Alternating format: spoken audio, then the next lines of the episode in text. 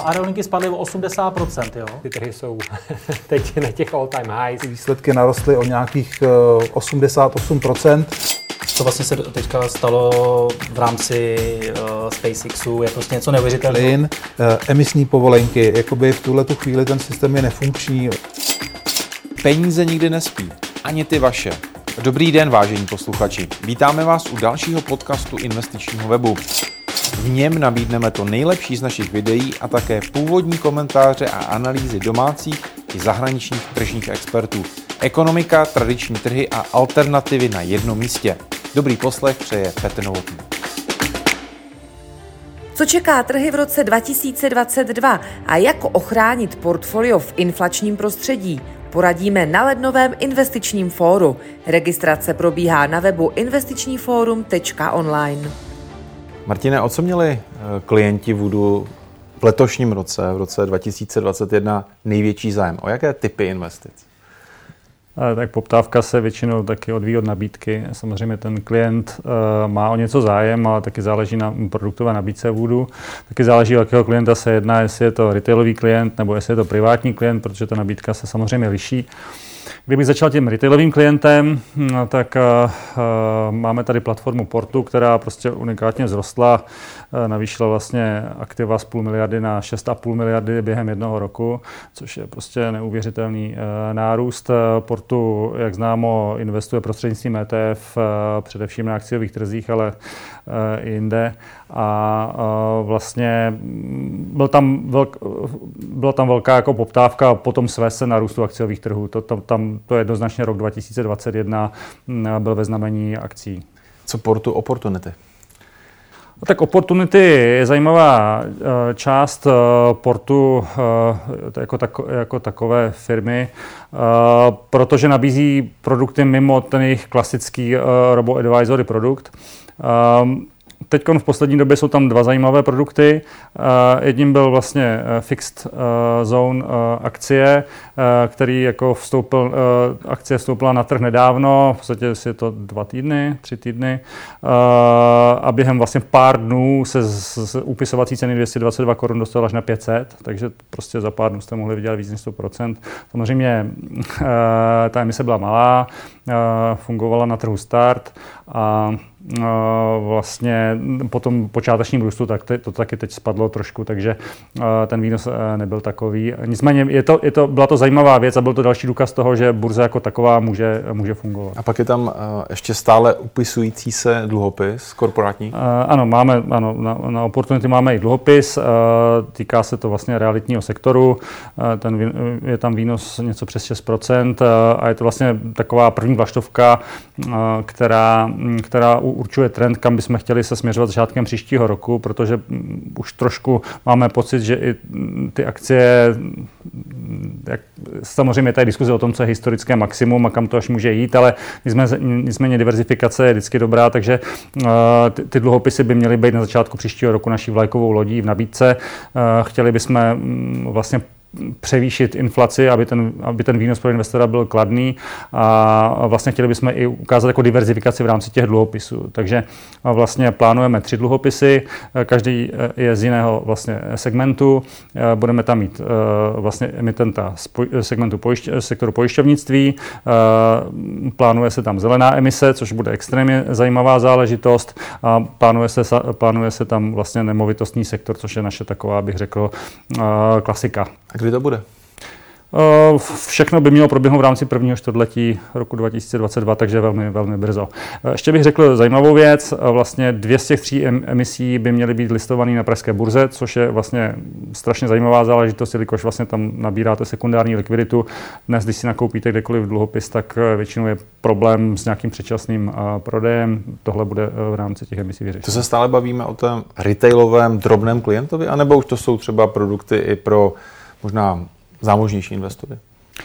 Tak v tom případě, který, nebo v těch případech, které plánujeme na první čtvrtletí, už se bavíme vlastně o všech klientech, což je vlastně velký posun, protože Wood jako skupina byl vždycky zaměřený vlastně na ty privátní klienty, na ty bohatší, kterým nabízel neveřejné emise, ale prostě retailový klient v dnešní době čím dál tím víc důležitější a chceme i jemu poskytnout prostě produkty a proto vlastně naše emise dluhopisové budou směrované na oba dva typy klientů. A co váš SPAC?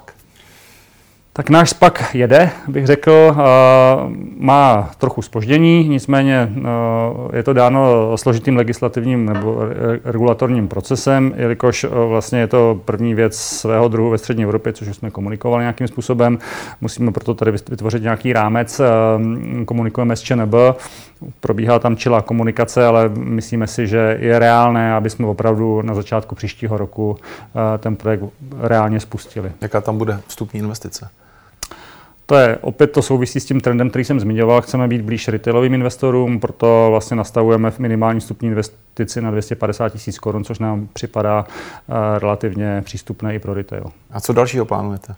Uh, tak v této chvíli se zaměřujeme zejména na kratší období, to znamená první kvartál 2022. Mm, a tam, jak jsem zmiňoval, mm, teda budou ty tři dluhopiso, dluhopisové emise, bude tam SPAC a samozřejmě máme v hledáčku i další jako projekty, ale v podstatě tuhle chvíli o nich nechci moc mluvit, protože by to bylo uh, předčasné.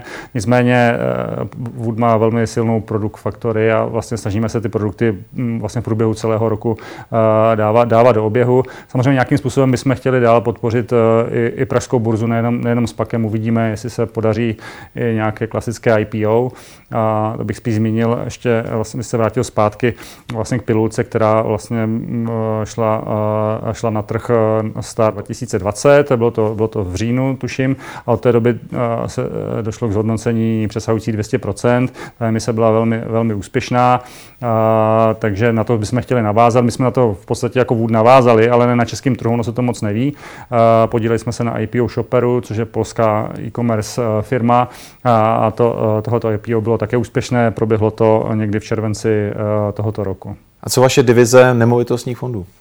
Tak real estate eh, vlastně mm, si vede velmi dobře. Eh, řekl bych na dočekávání, protože tady eh, byla velká obava týkající se covidu.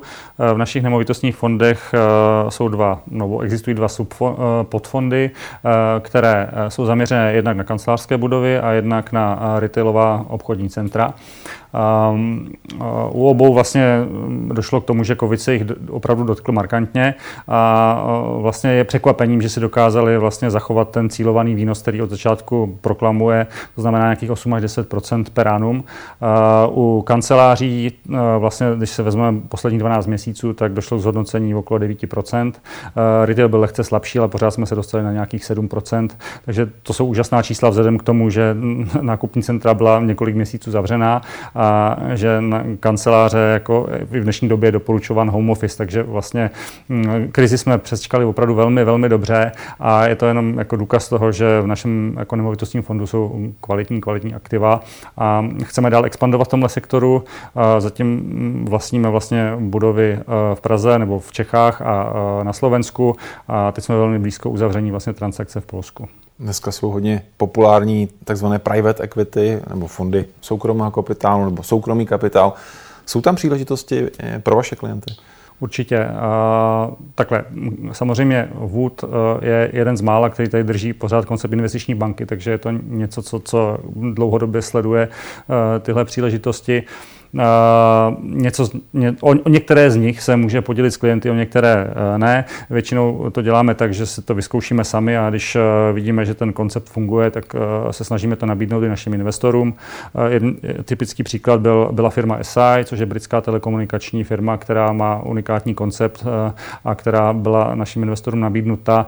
Druhý nebyla nabídnuta retailu, pro retailu jsme taky připravili jednu věc, jsou to švýcarské hodinky Sequent, já vidím, že je máš na ruce zrovna, a Vlastně tato firma má unikátní koncept samonabíjících chytrých hodinek a vlastně zapomněl jsem zmínit, že i portuje v rámci Opportunity nabízí, respektive nabízí možnost investice do investičních certifikátů navázaných na hodnotu vlastně akcí Sequentu. Takže vlastně i retailu umožňujeme vstup do private equity investicí, což je poměrně unikum, si myslím.